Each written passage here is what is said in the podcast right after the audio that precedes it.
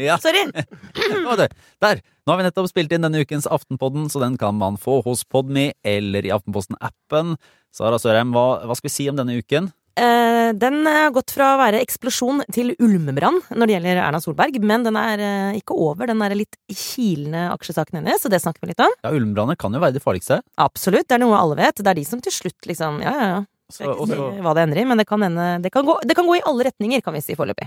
Det kan det, og kanskje kommer kontroll- og konstitusjonskomiteen og bare kjeder oss i hjel, sånn at vi glemmer hele saken, men hvem vet? Hvem vet. Så har vi vært innom eh, litt sånn eh, storbyer, og så har det vært en slags en, eh, en, et par gjennomgående baneting. Ja, Det går jo ikke på skinner i norsk politikk, eh, og vi har vært prøvd å forstå hva som skjer i Bergen rundt Bybanen. Og så har vi snakka litt, kan jeg bare si det, vi har også en liten sånn eh, hypotese i dag.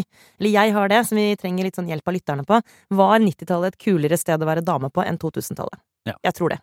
Hashtag supermodeller. Og så lufter jeg Hashtag en liten, supermodeller. ja, så lufter jeg en liten sorg til slutt. Ja, ikke sant? Ja. Så det er, det, er en, det er en totalpakke som det bare er å få med seg. Hele episoden ligger som vanlig hver torsdag ute hos Podmy og i Aftenposten-appen, så løp og litt og ha det bra.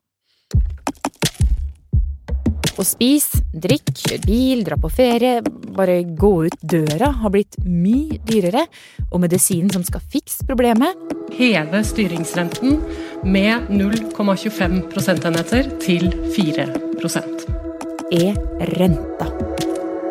Men når renta stiger, så blir jo boliglånet sykt dyrt òg. Må det være sånn? I podkasten Dypdykk undersøker vi de store spørsmålene om tida vi lever i, og prøver å gi deg svarene du ikke bare kan google deg fram til. Du finner den hos Aftenposten eller Podme.